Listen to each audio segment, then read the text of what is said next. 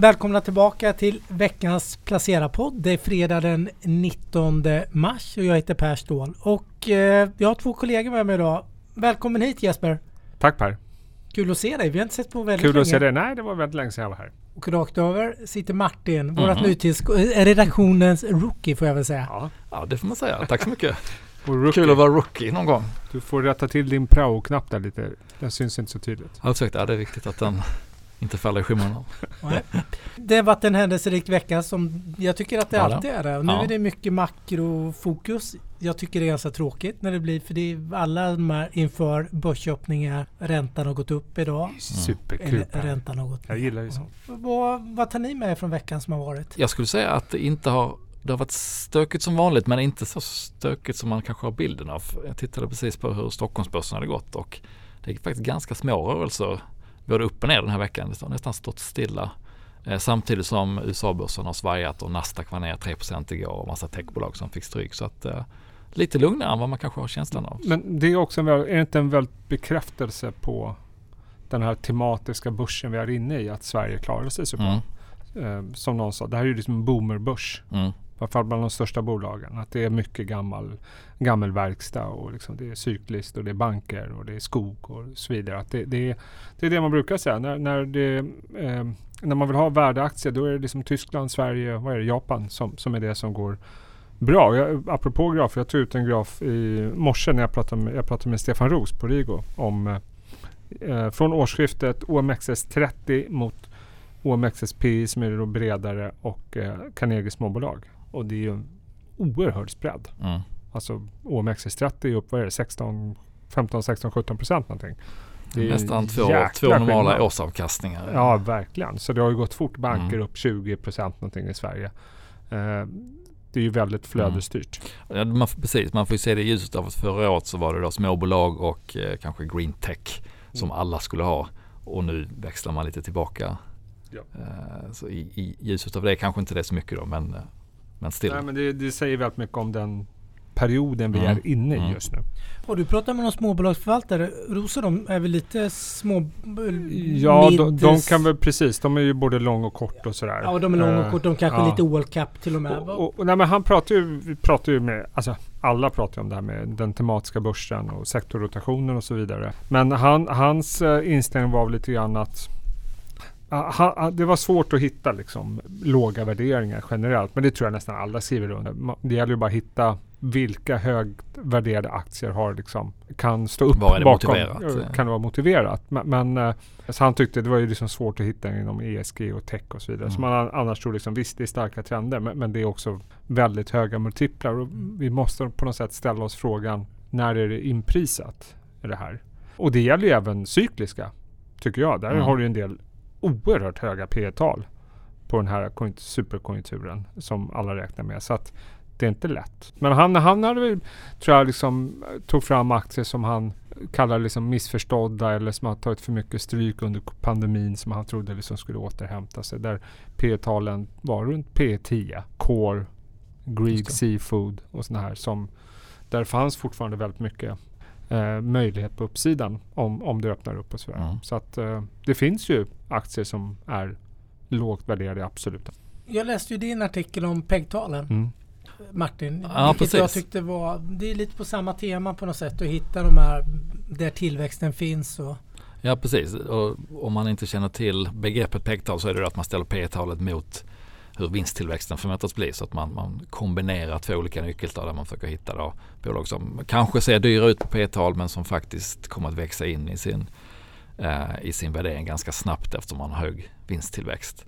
Eh, och då, då gjorde jag en lista där jag försökte ranka och, och tittade på vinsten från 2021 till 2023 för att försöka få bort den här 2020-2021-faktorn eh, som kommer att bli ganska stor i år. Och eh, de som hamnar skårade lågt på den då som alltså har en eh, låg värdering i förhållande till sin tillväxt.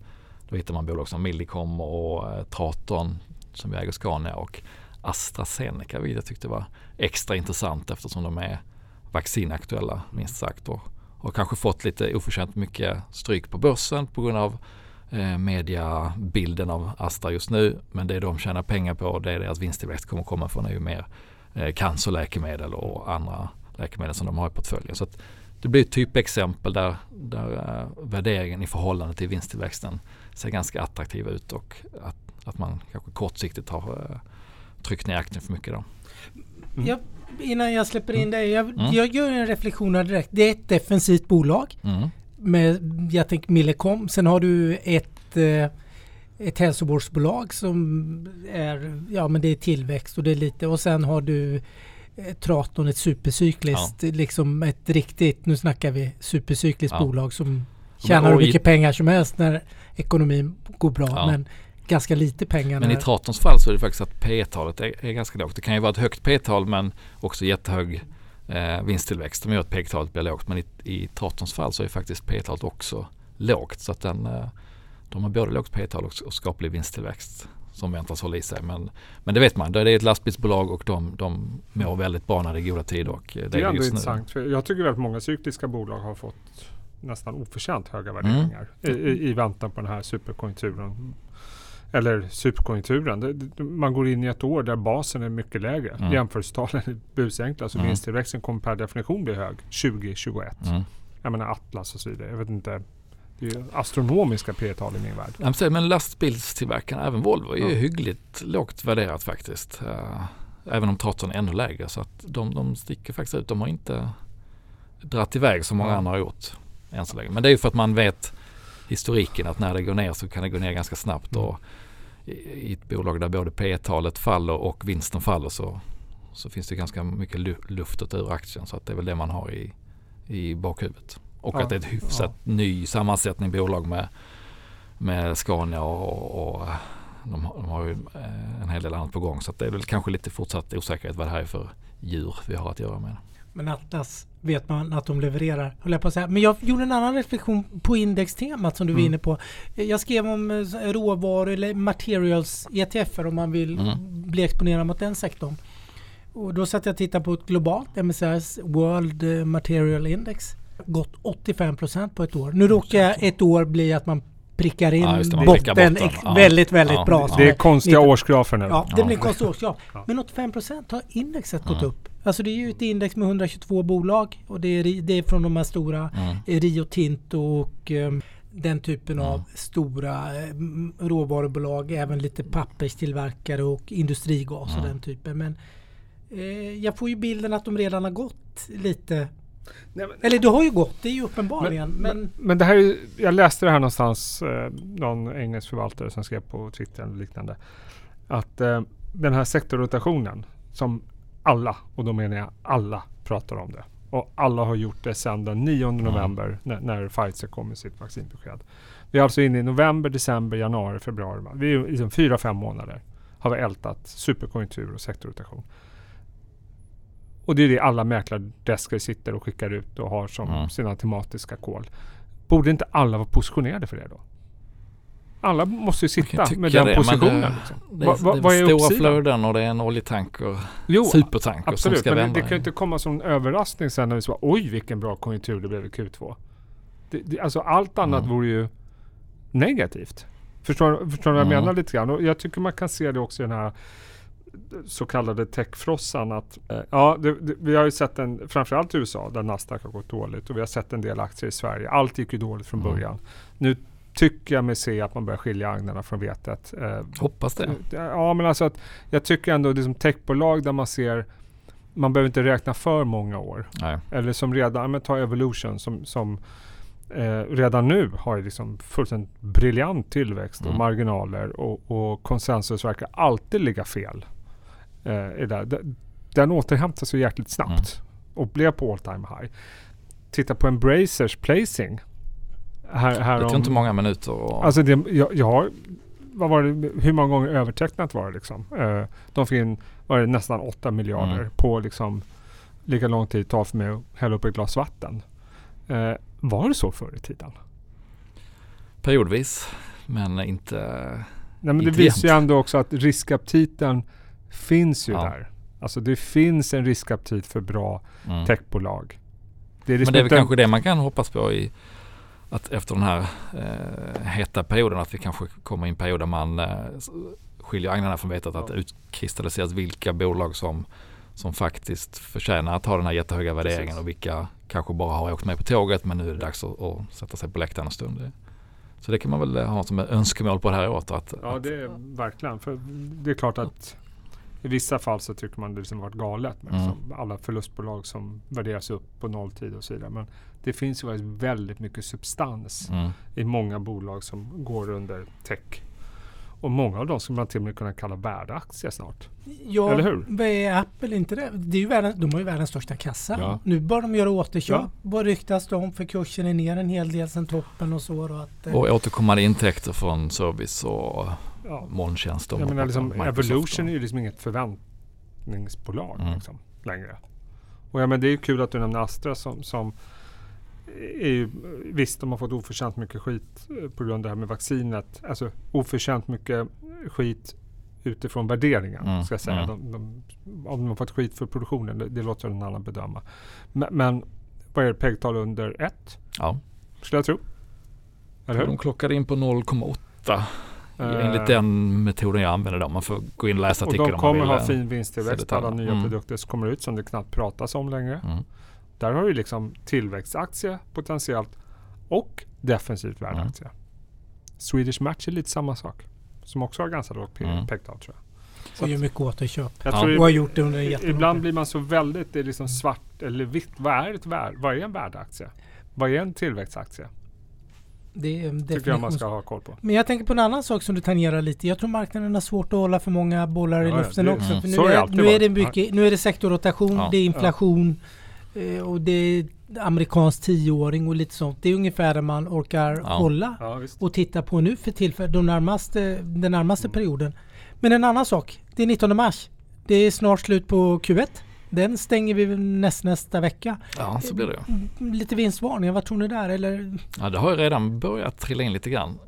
Och de jag har sett eh, på svenska börsen i alla fall, Boliden och, och några till. Eh, det var väl... Eh, Kommer inte Bufab med någon Bufab kom Eller jag vet inte om det var nya finansiella mål. Hur som Duni helst. Duni kom till exempel. Så, ja. Men de, de, har varit ganska mjuka skulle jag säga. Det har inte handlat om att efterfrågan i sig har Nej förändrats eller att man, man ser något stup där framme utan det är snarare coronaeffekter som är ganska väntade. Kanske att man har haft högre sjuktal än, än väntat och inte kunnat producera. Eller då den här halvledarbristen och, och störningar i produktionskedjan, den globala produktionskedjorna.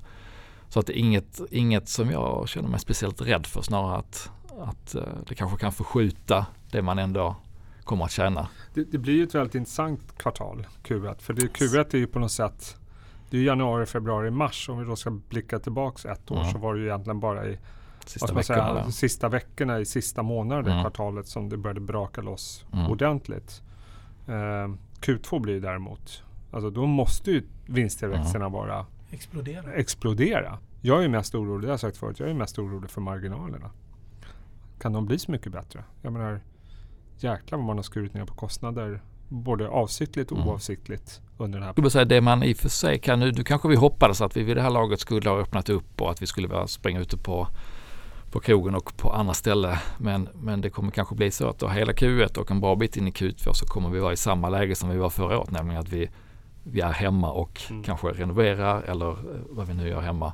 Eh, vilket skulle kunna innebära att de här bolagen som, som Byggmax och Bygghemma och Inwido och FM Mattsson och Husqvarna. och Husqvarna, alla de här hemmafixarbolagen, trots att de har tuffa jämförelsesiffror eftersom de började gå bra under Q2, kommer ha ett nytt bra Q2.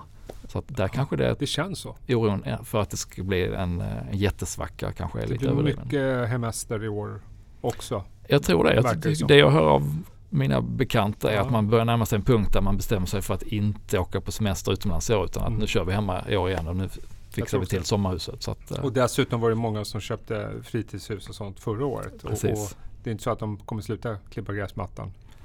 Och en, kanske en förmögenhetseffekt. Vi såg senast idag eh, husprisstatistik ja. för eh, villa och bostadsrätter. Då. Det var väl upp 15 procent på villor för tredje månaden i rad på årsbasis.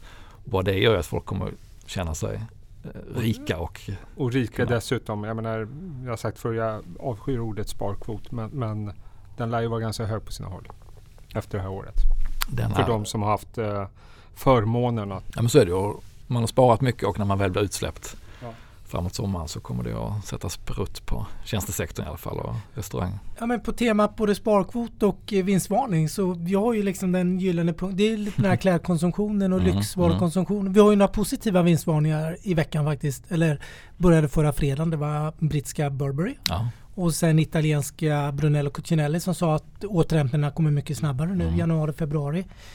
Eh, de hade ett grymt Förra året var mm. inget bra. Det var den största nedgången på omsättningen någonsin. Och sen har vi då Kinnevik som var ute och flaggade för att de ska dela ut Zalando. Så var Zalando i veckan och Ja precis. De kom ut i förtid med positiva siffror. Och, det var ju, gällde väl för hela 2021 då, så det, det, var inte bara att det har gått bra några veckor här nu utan har en ganska positiv syn på hela året. Ja, det var lika med Burberry också att man drar upp helåret. Ja. Eller man drar ut, man tror att det är så stark trend att man ser. Så efter, efterfrågan finns där ju i de flesta sektorer. Där man får, där man kan komma ut och handla eller komma, komma till det man vill köpa. Så att, ja. Samtidigt som många aktörer har stärkt sin online-del ja. under det här året. Vilket de har tvingats göra. Så att det blir nog perfekt storm mm. av positivt. Ja, det, men det finns mycket. Mm. Jag har gjort en annan liten iakttagelse då.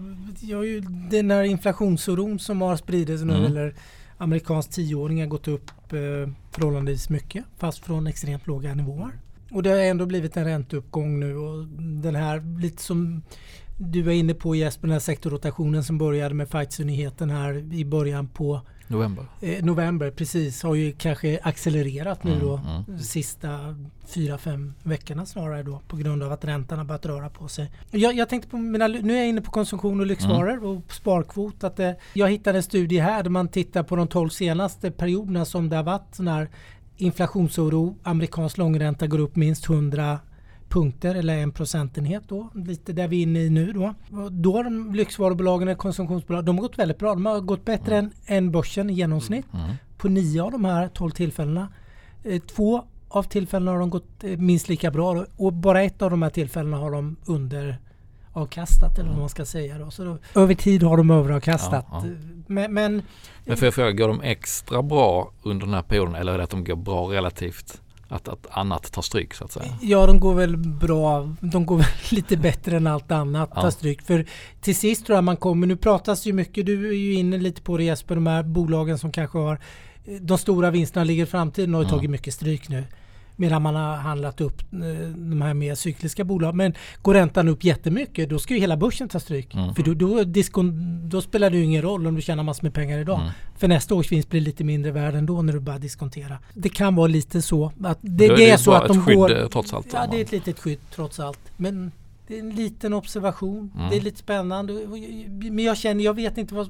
Sparkvoten är ju enorm men frågan är hur mycket man konsumerar. Jag, jag vet inte men det finns ju viss konsumtion som mm. säkert är uppdämt. Det finns, ja det tror jag finns ett jättestort uppdämt behov. Uh, ja resor förstår vi ju som ingen har rest och, Nej, och det finns ingen turism. Och, och, jag pratade om tidigare att det känns ju som nu går ju sig Tyskland och Sverige bra för det är liksom värdebörser om man ska kalla det för det. men, men jag har ju svårt att se att inte USA ska ta tät. Nej, det, allt, allt trycker ju på rätt Med tanke på deras vaccinationstakt. Mm. Eh, Disney öppnar upp i april. Alltså det känns ju som mm. de kommer vara några månader före. Flera mm. månader före oss i Europa. Det är bara min spontana känsla. Och de här cash-checkarna som trillar in ja, nu i... Inflationen kommer komma men framförallt så kommer det ju vara en jag har ju svårt att se liksom, att Europa kommer att vara dragloket på börserna närmsta halvåret. Nej. Men har du träffat några förvaltare nu då som kanske mer, som inte har en Sverigefond, ja även där, men som börjar prata om USA? För jag har inte träffat någon än. Men lyxcaset har varit mycket att Kina ligger så långt före och där är lyxkonsumtionen mm. väldigt stor. Men den är väldigt stor i USA också. Eh, det är ingen som har bara pratat om det men nu efter man har hört att de har vaccinerat så himla många så inte, känns det som att det kan vara nästa case. Jag har inte har pratat du? med någon uh, USA-förvaltare den här veckan eller någon som har exponering mot USA. Men, men uh, det ska jag göra inom kort. Men, men, det är klart att den amerikanska ekonomin kommer ticka på snabbare än den europeiska. Jag kan inte se något annat scenario. Och där konsumenten kommer komma ut på grönbete mycket fortare än europeiska. Vi stänger ner, mm. de öppnar upp redan nu. De har liksom en tredjedel av befolkningen vaccinerade. Hur många är det i Europa? 10 procent. Och de har en galet hög sparkvot där också. Ja, mm. och får Den dessutom ju... Mm. stimulanscheckar och, och hela, liksom, de gasar mm. ju på samtidigt som ekonomin på väg upp. Och en tjänsteekonomi där många kanske inte har, där, där de som jobbar i restaurang inte har varit anställda och kanske inte haft Det kommer bli en galen sommar i USA. Det kommer, det kommer bli en galen sommar i USA. Det är där man ska vara i maj, maj juni. Ja, men det känns ju som vi är hopplöst långt efter eh, i Europa. Liksom Frankrike stänger ner mm. nu. Vi är liksom snart inne i april. Mm. Det är ju liksom ytterligare ett kvartal som kommer gå förlorat Q2. UK och USA kommer att mm. rycka ifrån oss och sen förhoppningsvis är vi väl ikapp då vid sommaren. Och det här led, kanske leder in oss på en annan diskussionspunkt. Det är ju liksom det geopolitiska som vi inte har diskuterat sedan Trump lämnade mm. Vita huset. Eller hur? Jag menar, Europa är ju uppenbarligen skitförbannade på hur eh, vaccinsamordningen går, ut, går till globalt. Och det kom, de kommer ju komma med någon, någon motgrej mm. mot eh, kanske framförallt USA. Och sen har vi hela den här uh, Putin-Biden-affären. De, ja, som, de som trodde man skulle lugna ner sig efter Trump lämnade Vita huset. Det känns ju som att det håller på att blossa upp lite varstans. Han jag, måste ju visa sig lite tuff liksom. Ja, och det har han ju gjort. Ryssland packade ihop i mitten mm. på veckan här efter det här uttalandet att Putin är en killer. Mm. men det, det påverkade flödena av valuta och ja, allting eller? det gjorde det och jag tror att där är man kanske om man drar ut tangent, då är man lite orolig för att det på något sätt ska skapas debatt om de här fler sanktioner mm. och kanske kraftfullare sanktioner då, både från USA och kanske från Europa. Då. Det, det blir ett, ett frö i den mm. debatten då. Det vill man kanske. Det, det, är en risk man kanske mm. inte och det är väldigt mycket europeiska och amerikanska pengar inne på Moskvabörsen. Så det, det, det, finns väl en anledning. Men politiska mm. risken har vi bortsett ifrån. För det har varit, det har varit ränte, inflationsfokus och coronafokus. En sak i taget. Ja, hela tiden. Eh, och nu är, är han i Japan, president mm. Biden. Och mm. det finns förväntningar på att han ska trycka till Eh, komma ut med kinesiska, ja. lite kinesisk mm. retorik här med utifrån uh, folkrätt och sånt. Mm. Den här um, islamiska minoriteten som man behandlar lite sämre och så. Så vi får väl se. Men det känns som han är lite underskattad. Mm. Uh, känner jag och, och, det händer lite. Och du, du mm. pratar om, det kanske inte är handelskrig men det blir någon form av... Nej men det finns ju de som är oroliga för att det ska mm. bli det. Tack vare att uh, de sitter på lager med vaccin och, mm. och grejer produceras i Europa som skickas ut men vi får liksom ingenting tillbaka. Och jag tror Indien har väl också ett exportstopp av vaccin till exempel. De brukar ju tillverka väldigt mycket där nere. Så att eh, det är klart ja, det kan att... Tära på relationerna. Ja, vi ser ju också att liksom europeiska politiker är under press. Det, det, vi har ju sett jättestora demonstrationer i liksom Holland och olika regioner mm. i Danmark och så vidare. Så att de måste ju liksom lösa mm. det här och när de ligger så hopplöst efter då måste de på något sätt visa handlingsstyrka. Mm. Liksom. Sen om man tänker börs och finansmarknad så är det ju väldigt svårt att liksom spela ja. på de här sakerna. Utan Visst. det är större risk att man går bort sig tror jag än att man går rätt om man försöker Det tror jag också. Men däremot, det, ska man nog däremot så kommer ju börsen tror jag i alla fall eh, ta fasta vid att USA ligger liksom månader mm. före mm. Europa i konjunkturen. Kommer göra. Plus de här stimulanserna. I Europa vet jag inte vilka stimulanser vi har just nu. Och, så att det känns ju som de, de har redan liksom startat sitt lopp. Mm. Och vi har liksom, håller fortfarande på att stå värmer upp i, i liksom omklädningsrummet. Vi har inte ens kommit ut på banan än. Ja, och gapet blir ju större för varje ja, dag som mm. går också. Mm. Känns det som nu. För nu ger vi ju inte något eh, Astra-vaccin heller. Så nu eh, vaccineras det väl inte jättemycket i Sverige. Det går ju varje dag. Mm. Nej, nej, det, det, det, och, och man kan ju liksom dra det ännu längre konspiratoriskt om man nu ska prata liksom med Brexit. Ja, kortsiktigt så kanske de blev vinnarna på det. Då. Och vad kommer det säga om andra länder som är medlemmar som är småskeptiska? Eller hur? Mm. Jag tror EU-missnöjet lär ju växa. Mm. Men vi ska inte prata politik här. Men, men. Ja, nu blir det mer politik än ja, vanligt. Nu lämnar, vi det. Vara, nu lämnar vi det. Ja. Jesper, hur mycket har du handlat i veckan nu då? Du som är så handelsintensiv av oss. Oj vad jag har daytradat. Nej jag har inte gjort det ett schmack som vanligt. Uh, jag, jag, sitter, jag är väldigt nöjd med mina uh, fonder som jag har. Uh, jag har en bra blandning. Det enda jag sitter och funderar på som jag ägnar ganska mycket tid åt. Det är vad jag ska göra med Jag har en fastighetsfond som jag har haft i många år. Som har gått så fruktansvärt bra fram till pandemin egentligen. Uh, sen, vi pratade ganska mycket om fastigheter. Det återhämtas mm. ju där efter sommaren när vi tyckte att men vänta, kreditmarknaden funkar ju. Och det gör den fortfarande. Men jag är extremt osäker på den sektorn. Och nu säger jag hela sektorn. Jag vet att det finns liksom hundra olika varianter ja, av fastighetsbolag. Man, man, ska mm. inte dra alla över en kam. Men jag, är, jag måste nog erkänna att jag blir mer och mer skeptisk till. Jag tror deras det här liksom, de har haft sådana perfekta tider med låg ränta, högkonjunktur, urbanisering, rubbet. Mm jag har svårt att se att de kommer komma tillbaka till den typen av glansdagar eh, efter den här pandemin. Ja, räntan är ju lite, i alla fall nu på väg Den rör sig uppåt. Den rör sig uppåt. Och kontoren, det är ju, vi sitter ju själva på mm. kontoret idag som har ganska många arbetsplatser. Ja, och dessutom så är det ju väldigt många arbetsgivare som redan nu har flaggat för att det ska bli färre arbetsplatser per anställd. Så att det, utifrån det, så många jag har hört det, och det har jag även hört här, fick jag frågan, hur många dagar tänker du jobba hemifrån efter den här pandemin? Så att det är klart att behovet av stora kontorsytor kommer knappast växa i varje fall. Eller? Jag tycker du argumenterar ganska väl för varför du borde sälja en del av de där fonderna. Ja, nej, men det är ju som sagt, det var en retorisk fråga till mig själv. Men, men, men jag, och sen kan jag tycka, och det kanske vi ska som sagt bara kan hålla en sak i, i eh, luften samtidigt. Men om man, vi har ju pratat om liksom vad man ska titta på efter pandemin. Vad, hur, vad är liksom nya förändringar. Och jag kan tänka mig att en sån sak som urbanisering, som du har pratat så oerhört mycket om så länge. Och alla tycker samma sak och att den är jättestark ja, och en liksom, strukturell trend. Och, så. och den kommer säkert vara stark, urbanisering. Men kommer den vara så stark som jag? Jag ser ju bara på mig själv. Jag lämnar gärna city. Mm. Jag har bott i stan hela mitt liv. Liksom det är ju fruktansvärt att bo i en stad under en pandemi tycker jag. Och dessutom behöver inte vara lika mycket på jobbet. Vad fan ska jag sitta i en lägenhet på Sveriges dyraste bostadsmarknad för? Och det som inte varit alternativ tidigare kanske för många att, ja. att bosätta sig lite längre Nej, bort och, och, pendla till ja. jobbet någon dag i veckan. Eller inte alls är ju plötsligt ett alternativ för väldigt många familjer. Ja, men det är ju det. Ja. Så att det, kommer, det ändrar ju spelplanen. Och hur påverkar det då om det skulle bli så att urbaniseringen bromsar in? Det kommer ju påverka jättemånga saker. Det är ju faktiskt jätteintressant lite det ni är inne på. För företagen har ju tvingats att accelerera sin digitalisering. Mm. Det här och mm. se till att personal kan jobba hemma. Man har biffat upp alla mm. de investeringarna man har tagit nu i olika typer av mjukvaror och mm. även hårdvaror. Men det finns nog mer att investera? Ja det finns Eller? mer. Men det, ja. men det har ju gjort att det helt plötsligt går det ju att arbeta. Ja. Kanske, man behöver inte bo liksom mitt i stan för att gå Nej. till jobbet utan det går att bo utanför stan på ett helt annat sätt nu för det är en större acceptans mm. och det finns digitala verktyg på ett annat sätt.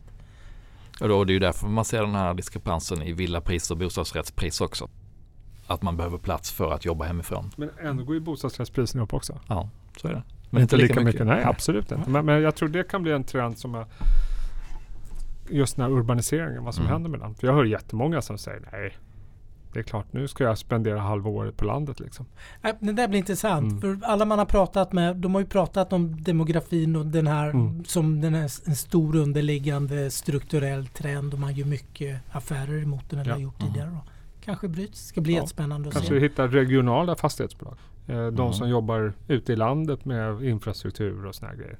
Martin då, du, eh, våran rookie, har, har rookien tradat något? Rook, rookien har suttit veckan. på sina rookiehänder den här veckan. Nej, jag har inte gjort eh, någonting faktiskt. Jag berättade väl förra veckan tror jag om att jag hyvlade av lite i min portfölj och eh, sålde lite på eh, toppdelen av eh, de flesta av innehaven. Så att jag har kanske en kassa på 20 procent. Ska de in i spacka känner du eller? Vad?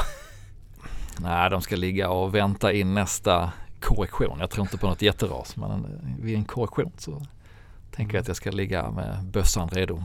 Men USA-temat är lite intressant. Mm. Alltså den känns som man kan titta lite, ja, lite djupare på faktiskt ändå. För det känns inte som det är inprisat. Det är så mycket Kina som är inprisat att eh, de ligger så långt före. Ja, jag håller med, den är intressant och sen generellt så om man har bolag man gillar men som man tycker är lite dyrt så är det väl bra att lägga dem på en bevakningslista också när det kommer eh, de här dagarna när, allt, när alla säljer allt.